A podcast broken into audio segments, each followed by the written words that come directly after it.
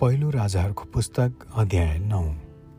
परमप्रभु सोलोमन कहाँ देखा पर्नुभएको? जब सोलोमनले परमप्रभुको मन्दिर र राजमहलको निर्माण गरी सिद्ध्याए र आफ्नो मनले इच्छा गरेका सबै पुरा गरी सिद्ध्याए तब गिबोनमा तिनी कहाँ देखा पर्नुभए चाहिँ परमप्रभु तिनी कहाँ दोस्रो पल्ट देखा पर्नुभयो।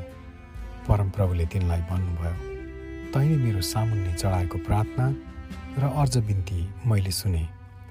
तैँले निर्माण गरेको यस मन्दिरलाई मैले पवित्र पारेको छु र सदाको निम्ति मैले मेरो नाउँ त्यहाँ राखेको छु। मेरो नजर र मेरो हृदय त्यहाँ सधैँभरि रहनेछ। त चाहिँ हृदयको इमान्दारी र सोझोपनमा तेरो पिता दाउद झैँ मेरो सामुन्ने हिँडिस् भने। र मैले गरेका सबै कुरा मान्दै मेरा विधि विधानहरू पालन गरिस् भने। जसरी मैले तेरो पिता दाउदसँग प्रतिज्ञा गरेर यसो भने इजरायलको सिंहासनमा बस्नलाई मानिसको कहिले पनि अभाव हुने छैन। तेरो राजकीय सिंहासन इजरायलमाथि सदा सर्वदा स्थापित राख्नेछु। तर त अथवा तेरा छोराहरूले मलाई पछ्याएन छोडेर मैले तिमीहरूलाई दिएका मेरा आज्ञा र विधि विधानहरू पालन गरेनौ र गएर अरू देवताहरूको सेवा गर्न गयौ। र तिनीहरूलाई पुज्यौ भने तब मैले तिनीहरूलाई दिएको देशबाट म इजरायललाई बहिष्कार गर्नेछु र मैले मेरो नाउँको निम्ति पवित्र गरेको यस मन्दिरलाई म त्याग्नेछु। तब इजरायल चाहिँ सबै मानिसहरूका बीचमा एउटा निन्दा र गिल्लाको पात्र बनिनेछ। यद्यपि यो मन्दिर अहिले प्रभावशाली छ। त्यसबाट जाने सबै मानिस अवाक भएर गिल्ला गर्दै यसो भन्नेछन्।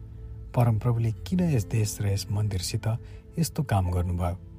मानिसहरूले यस्तो जवाब दिनेछन् किनभने तिनीहरूले परमप्रभु आफ्ना परमेश्वरलाई त्यागेका छन् जसले तिनीहरूका पिता पुर्खाहरूलाई मिश्र देशबाट निकालेर ल्याउनु भएको थियो र तिनीहरूले अरू देवताहरूको सेवा गर्दै र यिनीहरूलाई पुज्दै आलिङ्गन गरेका छन्। यसै कारणले हो कि परमप्रभुले यी सबै विपत्ति तिनीहरूमाथि ल्याउनुभयो। सोलमनका अरू कार्यहरू यी दुई भवनहरू परमप्रभुको मन्दिर र राजमहल निर्माण गर्न सोलमनलाई बिस वर्ष लाग्यो। सोलमनले चाहेका सबै देवदारू र सल्लाहका काठहरू र सुन हिरामले जुटाइदिएका थिए। यसै कारण सोलमन राजाले हिरामलाई गालिलमा बिसवटा सहरहरू दिए। तर जब सोलोमनले उनलाई दिएका ती सहरहरू हेर्न हिराम टुरसबाट गए तब उनलाई यी मन परेन र उनले सोधे हे मेरा भाइ तपाईँले मलाई दिएका यी सहरहरू त कस्ता किसिमका रहेछन्? अनि उनले ती सहरहरूलाई काबुल देश भन्ने नाउँ दिए। तिनीहरूको यो नाउँ अहिलेसम्म छ। हिरामले राजालाई चार टन सुन पठाएका थिए। सोलोमन राजाले परमप्रभुको मन्दिर आफ्नो निजी महल टेवा दिने गाराहरू एरुसलेमको पर्खाल हासोर मगिद्दो र गेजेर बनाउनलाई बेगार काममा मज मजदुरहरू लगाएको विवरण यही हो। गेजेरलाई मिश्र देशका राजा फारोले चढाइ गरेर कब्जा गरेका थिए। उनले त्यसलाई जलाएर भस्म गरे। त्यहाँका कनानी बासिन्दाहरूलाई उनले मारे अनि त्यस सहरलाई आफ्नी छोरी सोलोमनकी पत्नीलाई विवाहको दाइजो दिए अनि सोलोमनले गेजेरलाई पुननिर्माण गरे। तिनले तल्लो बेत होरुन बालाद र मरुभूमिमा आफ्नै देशभित्र भएको तदमोर अनि आफ्ना सबै भण्डार राख्ने सहरहरूमध्ये आफ्ना रथहरू र घोडाहरू राख्नका निम्ति नगरहरू बनाए। एरुसलेममा लेबनानमा र आफूले शासन गरेका सबै इलाकाहरूमा तिनले बनाउनलाई इच्छा गरेका सबै कामहरू पुरा गरे।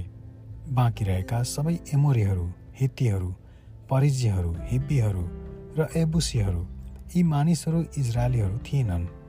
अर्थात् उनीहरूका सन्तानहरू जो देशमा बाँकी रहेका थिए जसलाई इजरायलीहरूले बिल्कुलै नाश गर्न सकेका थिएनन्।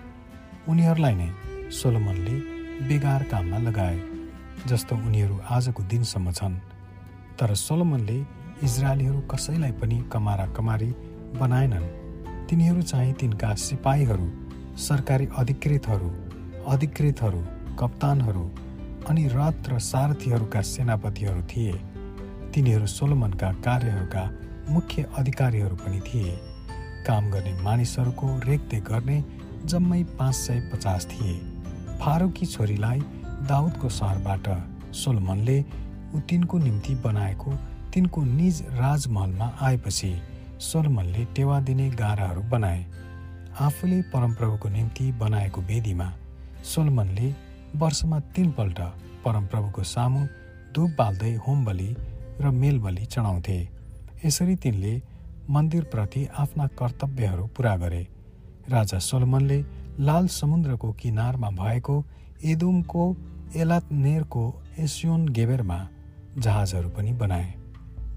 हिरामले आफ्ना मानिसहरू समुद्रका विषयमा जान्ने नाविकहरू सोलमनका मानिसहरूसित काम गर्न जहाजको बेडामा पठाए। तिनीहरू जहाजबाट ओपिरमा गए र त्यहाँबाट साढे चौध टन सुन ल्याएर सोलमन राजालाई दिए। आमेन।